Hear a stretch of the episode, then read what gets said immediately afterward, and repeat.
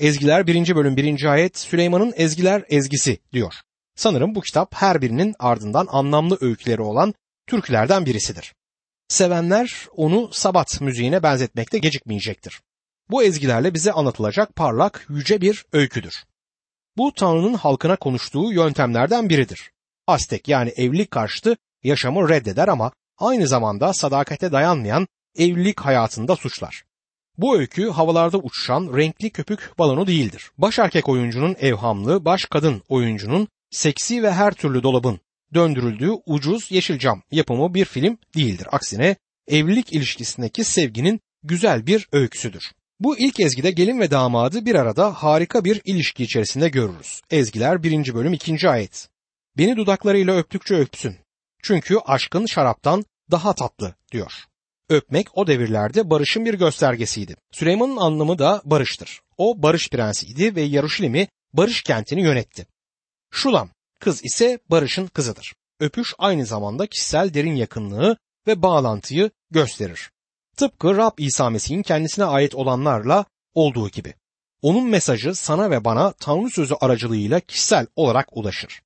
Bunun için Tanrı sözünü yalnızca okumak, ayetleri ezberlemek yerine Tanrı sözünü derinlemesine çalışmamız gerekir. Tanrı ile kişisel bağlantı onun sözünün yüreklerimize konuşmasını sağlar. Beni dudaklarıyla öptükçe öpsün diyor. Sana barışı bildirsin. Görüyorsun insan yüreğindeki barışı yalnızca o koruyabilir. İnsanın yaşamına yalnız barış başkanı barışı verebilir. Eski antlaşmada çok önemli kişilere rastladık. Moody Stuart şöyle yazıyor. Musa ve peygamberler geldi. Harun ve kahinler geldi. Bunların üstesine Davut ve krallar da geldi. Ama şimdi o kendisi gelsin. Halkının gerçek peygamberi, kahini ve kralı. Mesih'e yakından bağlı olan Bernard şöyle yorumladı. Musa konuşmakta ağırdı. Yaşayanın dudakları ise kirli. Yeremye konuşamaz bir çocuk ve tüm peygamberler yetersiz. Kendisi tümünün hakkında konuştuğunda bırakın o konuşsun diyor. İştecek kulakları olan onu barışı bildirirken duyarlar. Günahlara af getirmek için haç üzerinde dökülen onun kanıyla sağlanan barış. Böylece bir sonraki adımı Mesih atar. Mesih'in kurtarışı aracılığıyla Tanrı ile barışın sağlanmışsa o sana öpüş törenini ve evlilik ilanını sunar. Mesih ile inanlısının evlilik antlaşmasının mührü bir öpüştür. Bu töreye günümüz evlilik törenlerinde de rastlarız. Bir nikah töreni aklıma geldi. Erkek ve kadın da evet yanıtını verdiğinde nikah memuru dua kaldır ve geline evlilik öpücüğünü ver der. Öpmek bir tören, evlilik antlaşmasının bir nevi bir mührüdür. Rab İsa bize yalnız kurtuluşu sağlamakla kalmaz. Aynı zamanda bize özgürlükte verir. Yuhanna 8. bölüm 36. ayette bunun için oğul sizi özgür kılarsa gerçekten özgür olursunuz der. Bu ne tür bir özgürlüktür? Bu ona gelerek şöyle seslenebileceğimiz bir özgürlüktür. Bedenimi sana yaşayan kurban olarak sunuyorum. Bizi kurtarıcımız Mesih İsa ile kişisel ilişkinin doğruğuna getiren kendini adama vakfetme özgürlüğüdür. Sen böylesi bir tanrı çocuğu musun? Yoksa onun lütfundan almaya korkan titrek bir can mı? Rab senin adanmış bir yaşam yaşamanı ister. Efesler mektubunda Rabbe ilişkin merhamette ve lütfunda zengin diye bahsedilmektedir ve o tüm yüceliğini bizlerle paylaşmak ister. Bu konuda neler hissettiğini bilmiyorum ama benim onun merhametine ve lütfuna ihtiyacım var. O şöyle bizi davet eder. Matta 11. bölüm 28. ayet. Ey bütün yorgunlar ve yükü ağır olanlar bana gelin. Ben size rahat veririm. Bu gerçek dinlenmedir. Bu sadece şabat günü bir günlük bir dinlenme zamanı değildir. Tüm hafta boyunca. Yedi gün süren bir dinlenme.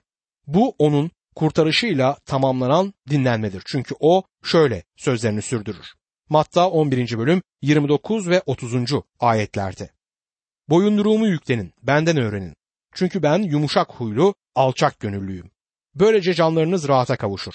Boyunduruğumu taşımak kolay, yüküm hafiftir. Onunla aynı boyunduruğu taşımak güzel ve yüce bir bağlılıktır. Ve senin yükünü taşıyan onun kendisidir. Erskine adında bir yazar şu şiirsel sözlerle bunu dile getirir.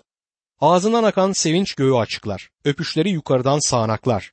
Aflık vaatler ve sonsuz sevgi, mührüyle kaynaklar, onun sevgisi. Çünkü aşkın şaraptan daha tatlı diyor kutsal kitapta. O günlerde şarap dünyanın sunduğu en lüks içecekti.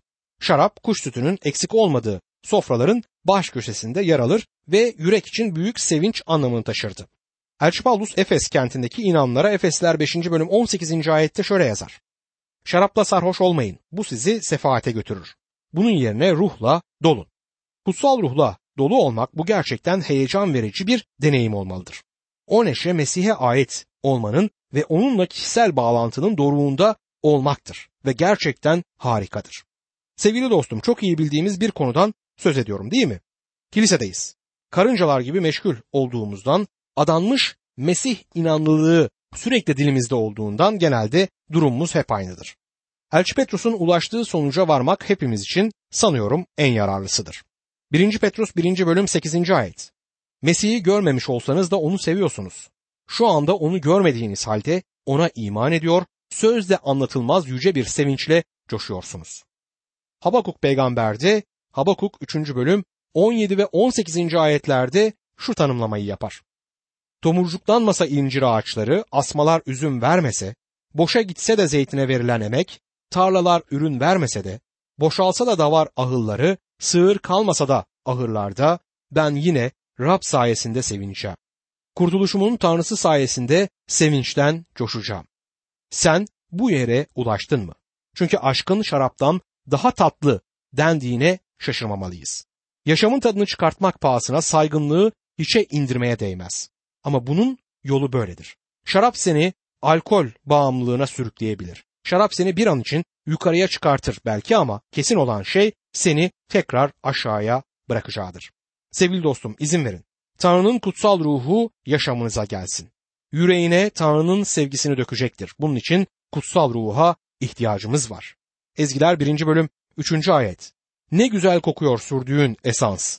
Dökülmüş esans sanki adın. Kızlar bu yüzden seviyor seni diyor. Esans hoş kokulu yağdır. İsa Mesih dünyaya geldiğinde kendisine armağan olarak mür sunuldu. Öldüğünde bedenine yine mür sürüldü. Onun yaşamının başlangıcından sonuna dek hoş koku etrafına yayılmıştır. Sevginin en harika hoş kokusu İsa Mesih'in haç üzerinde ölerek sunduğu ve yaydığı kokudur. Ezgiler 1. bölüm 4. ayette al götür beni haydi koşalım. Kral beni odasına götürsün. Kızın arkadaşları seninle coşup seviniriz. Aşkını şaraptan çok överiz. Kız ne kadar haklılar seni sevmekte diyor. Bu tüm yazının harika bir bölümüdür. Burada bildirilen onu seven, onunla sıkı bağlantıda olmayı arzulayan kişinin tanımıdır. Ancak kavradığımız nokta o yere ulaşamayacağımızdır. Oraya ulaşamıyoruz çünkü orası bizler için çok yüksekte. Bu durumda söyleyeceğimiz söz şudur. Beni al götür. Boner sevgisini şu düzeyle dile getirir. İsa adını seviyorum. İmanuel, Rab Mesih. Meltem'in taşıdığı hoş koku gibi taşıyor onun adı tüm diyarlara. İsa adının senin için anlamı nedir? Eğer bu muhteşem bağlantıyı hiç yaşamadıysan, güveyi dinle ve ona al götür beni diye seslen. Eğer Tanrı çocuğuysan söyle al götür beni de. Bırak seni alsın götürsün. Senin kendi gücünle asla ulaşamayacağın yüksekliğe seni götürsün. Carlos bu düşünceyi şu güzel dizelerle dile getiriyor. Yükü altında yere çökmüş kalkamaz. Bilinmez o solucan sanki hiç ölmez. Uyanmaya istemim yok, kalkmaya da gücüm yetmez. Denize düşmüş balta yalvarır mı? Elini kaldırıp suları yarar mı? Islak kumlu derinliklerden kuru sahile varır mı? Günahlı bedenin, kanın görevi zor. İyi en küçük yardım bile ödünç alır. Tanrım, ben o küçüğüne de varamam. Sadece durmadan çalışsalar da hiç kimse göremez yüceliğini. Yüceliğini göremez hiç kimse. Rab ben buyum. Yoktur hiç kudretim. Sesini, çağrının yankısını bile işte bileyim. Güç ver bana istemeye. Arzu yapmaya kaldır. Güç ver bana. Beni arzuyla isteklendir. Kaldır beni gitmeyi diliyorum çalışmaya. Al beni götür. Götür beni güçlü kollarında. Kuvvetim yok artık dayanmaya. İstemin olan buyruklarını yapmak için bana güç ver. Tanrı bize onun gücünden yararlanabileceğimizi bildirir. Tanrı kendi gücünün bizim zayıflıklarımızı kusursuz yaptığını söylemektedir. Beni al, götür diye haykıran yüreğe hemen yanıtı Tanrı verir. O Tanrı'nın ruhu aracılığıyla Mesih'in huzuruna getirilmekte büyük heyecan ve sevincin en yücesi vardır. O bize Mesih'i gerçek kılabilir. Yuhanna 6. bölüm 44. ayette beni gönderen baba bir kimseyi bana çekmedikçe o kimse bana gelemez diyor İsa Mesih. Rab İsa kendisine ait olanlara şöyle der. Yuhanna 15. bölüm 16. ayetti. Siz beni seçmediniz, ben sizi seçtim. Sizi arayan kişi benim. Biz Tanrı'yı aramadık. Tanrı bizi aradı. O bizi bugün de arar. Bize gerekli olan sadece Rabbe, Rab, al beni götür demektir. Yaşam suyunu almak için Tanrı'nın ruhuna ihtiyacımız var. Eğer bu yaşam suyundan içersek içimizde yaşam suyu pınarları açılacak ve bizden taşıp başkalarına ulaşacak. Haydi koşalım. Burada bildirilen görüş kayıtsız ve tembel oluşumuz değildir. Çaresiz ve yardımsız oluşumuzdur. İsteğimiz var. Ruh isteklidir ama beden zayıf. Onunla birlikte koşmak isteriz fakat koşmak için gereken bacakları bize verecek olan odur. Bizi yetkin kılmalı, kalıcı yetkinlik vermeli, bizi alıp götürmelidir. İbraniler 12. bölüm 1. ayetin sonu ve 2. ayetin başı bize der ki, önümüze konan yarışı sabırla koşalım. Gözümüzü imanımızın öncüsü ve tamamlayıcısı İsa'ya dikelim. Yaşaya 40. bölüm 31. ayet. Rabbe umut bağlayanlarsa taze güce kavuşur. Kanat açıp yükselirler, kartallar gibi. Koşar ama zayıf düşmez, yürür ama yorulmazlar der Yeşaya 40. bölüm 31. ayette kutsal kitap. Al götür beni, haydi gidelim diye haykırdığımızda o bizleri yanıtlar. Kral beni odasına götürsün. O da onun huzurunun gizi, konutu tapınaktaki en kutsal yeri gibidir.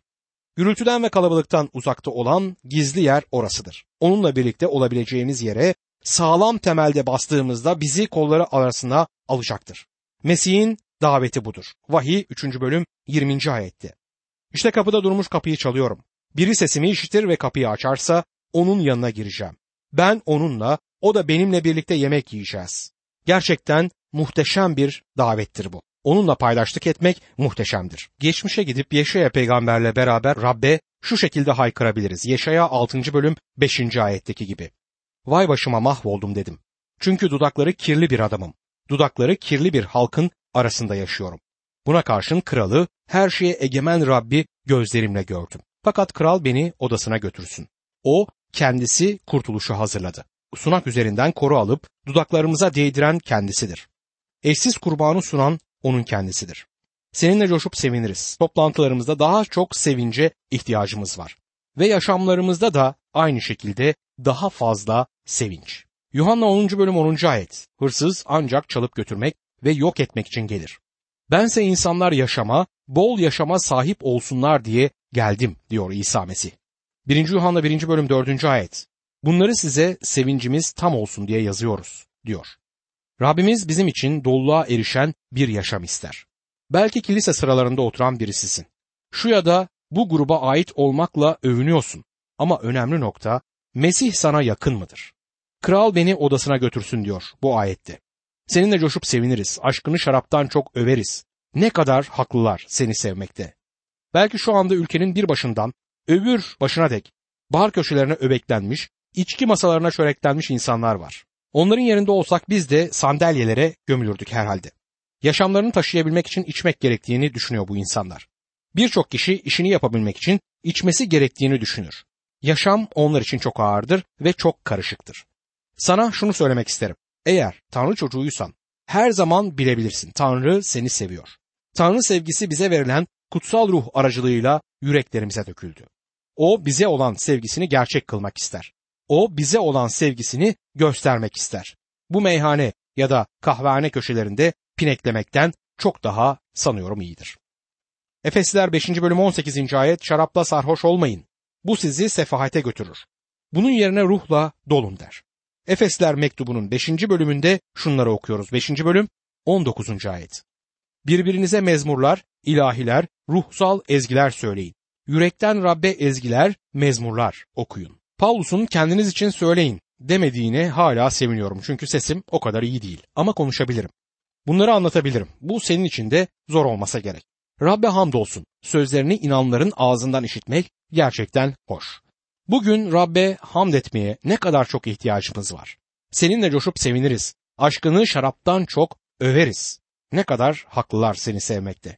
Haklı olanlar kimlerdir? Ona ait olanlar. Al götür beni diye ona seslenenlerdir. Onları ayakları üzerine kaldırdı. İmanlarının yazarı ve tamamlayıcısı Rab İsa'ya bakarak yaşam koşusunu sürdürebilirler artık. İnanlının yaşamı sevgi olayıdır. Onu seviyoruz çünkü o ilk olarak bizleri sevdi. Bizi o denli sevdi ki kendisini bizim uğrumuza haç üzerinde ölüme sundu. Ve şimdi bize şöyle sesleniyor. Senin sevgini istiyorum. Bu işin mührüdür. Eğer onu sevmiyorsan seviyormuş gibi kimseyi kandırmaya kalkma. Dürüst ol ve gerçeği ortada açıkça ifade et. Onu gerçekten sevmiyorsan her şey anlamsızdır. Şimdi seven inanlının yanıtını 63. mezmurdan dinleyin. 63. mezmur 1. ayet. Ey Tanrı sensin benim Tanrım. Seni çok özlüyorum. Canım sana susamış, kurak, yorucu, susuz bir diyarda. Bütün varlığımla seni arıyorum. Dostum, Tanrı'ya susadınız mı? Rab İsa susayan bana gelsin ve benden içsin der. 63. mezmur 2. ayet. Kutsal yerde baktım sana. Gücünü, görkemini görmek için diyor. 3, 4, 5 ve 6. ayetlerde 63. mezmur devam edip şöyle der. Senin sevgin yaşamdan iyidir. Bu yüzden dudaklarım seni yüceltir. Ömrümce sana övgüler sunacağım. Senin adınla ellerimi kaldıracağım. Zengin yiyeceklere doyarcasına doyacağım sana. Şakıyan dudaklarla ağzım sana övgüler sunacak. Yatağıma uzanınca seni anarım. Gece boyunca derin derin seni düşünürüm. Bırakalım dudaklarımız yalnızca onu övmekle meşgul olsun. 63. mezmur 7. ayet. Çünkü sen bana yardımcı oldun. Kanatlarının gölgesinde sevincimi dile getiririm der. Rab İsa Mesih de Yaruşilim halkını bir tavuğun civcivlerini kanatları altına topladığı gibi kanatları altına toplamak istediğini anımsatır. Ve Matta 23. bölüm 37. ayette Ey Yaruşilim! Peygamberleri öldüren, kendisine gönderilenleri taşlayan Yaruşilim! Tavuğun civcivlerini kanatları altına topladığı gibi ben de kaç kez senin çocuklarını toplamak istedim ama siz istemediniz. Bu bize onun sevgisini resmeder. Çaresiz ve zayıf olan bizleri kötüden korumak istediğini bize gösterir.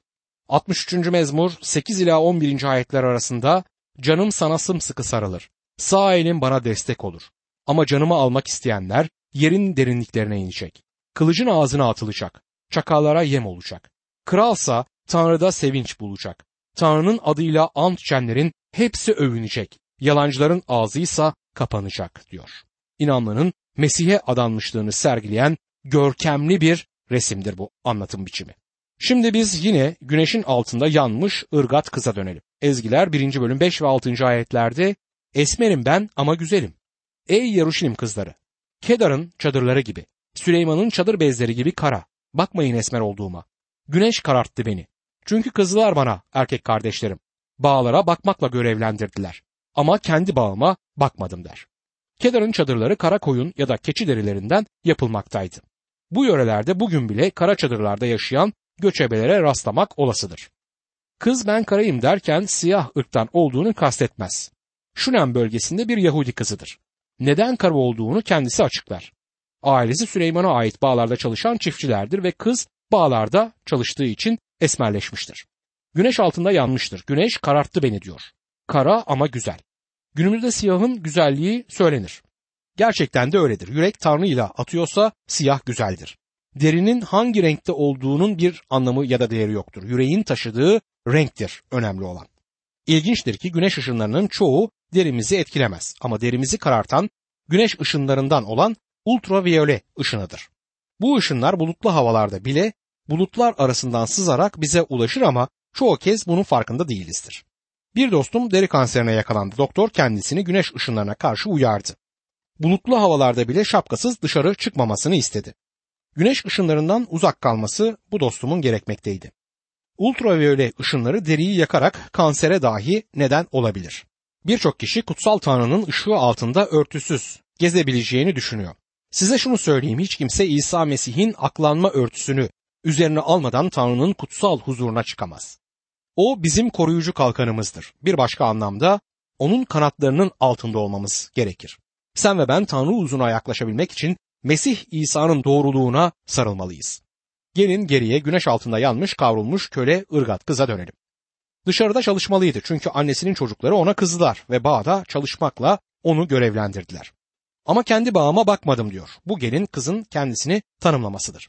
Doğal bir güzelliği var ama kendisine bakmaya fırsatı yoktur.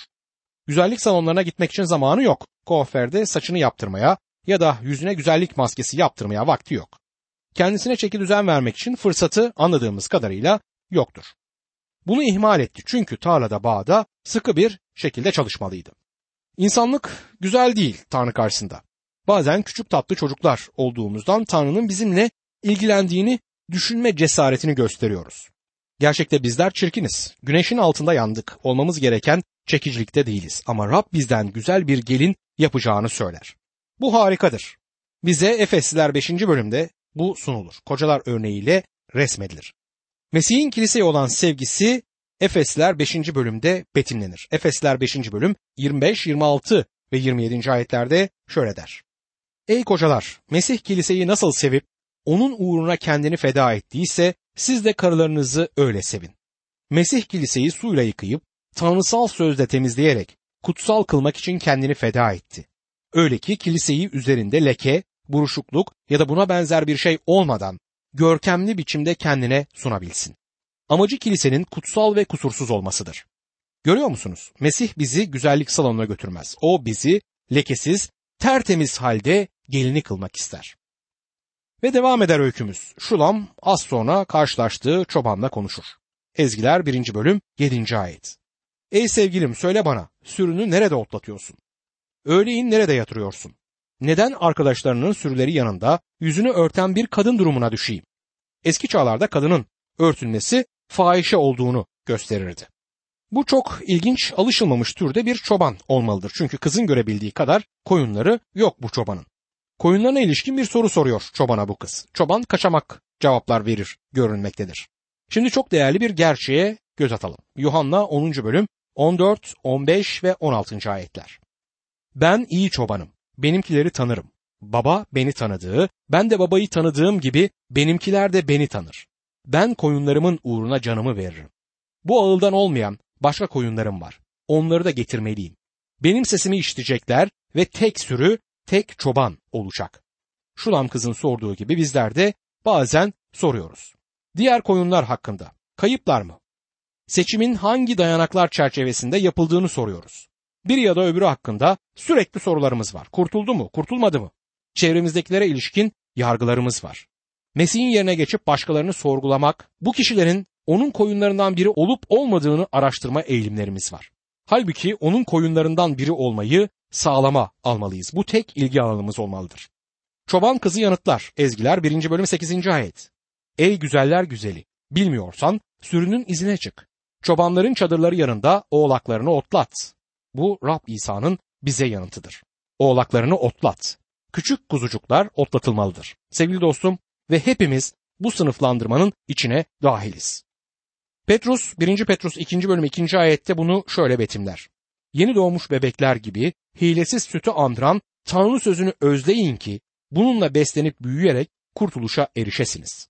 Çobanların çadırları yanında oğlaklarını otlat. İnanlar kendilerini çobanların yanında otlatmalılar. Çünkü otlar orada daha yeşildir. Elbette besinimiz Tanrı'nın sözüdür. Başkalarını doyuramayız ve Tanrı sözünün verdiği sevinci sunamayız eğer Tanrı sözü bize sevinç vermiyorsa. Bir inanlı şu şiirle bu duygusunu dile getirir. Canım da bir çoban, işlerimde, sözlerimde, düşüncelerimde otlayan bir sürü. Meram senin sözün, derelerim ise kayran, her yerden daha zengin. Gördüğünüz gibi Tanrı sözünden beslenmemiz gerekiyor. Aynı zamanda sözü başkalarıyla da paylaşmalıyız. Mesih'in gelecekteki gelini Tanrı sözünü bugün dışarılara taşımalıdır. İnanlılar olarak eksiğimiz budur. Ey güzeller güzeli bilmiyorsan bizim de yanıtını bilmediğimiz çok şey var. Genç bir vaizken her soruya yanıt bulmaya çalışıp durdum. Bilmediklerin bildiklerini yok etmesine izin verme diyor kutsal kitap. Mesih'in günahların için öldüğünü biliyor musun? Ona güvenebileceğini biliyor musun? Onda huzur bulduğunu biliyor musun? Kurtarıcım yaşıyor diyebilir misin? Diyebilirsin. Kime iman ettiğini biliyorum. Paulus bunu söyleyebilirdi ama Paulus'un seçilenlerin neye dayanılarak seçildiğini bildiğini hiçbir yerde bulmadım. Öyleyse bilmediklerimizin bildiklerimizi yok etmesine izin vermeyelim.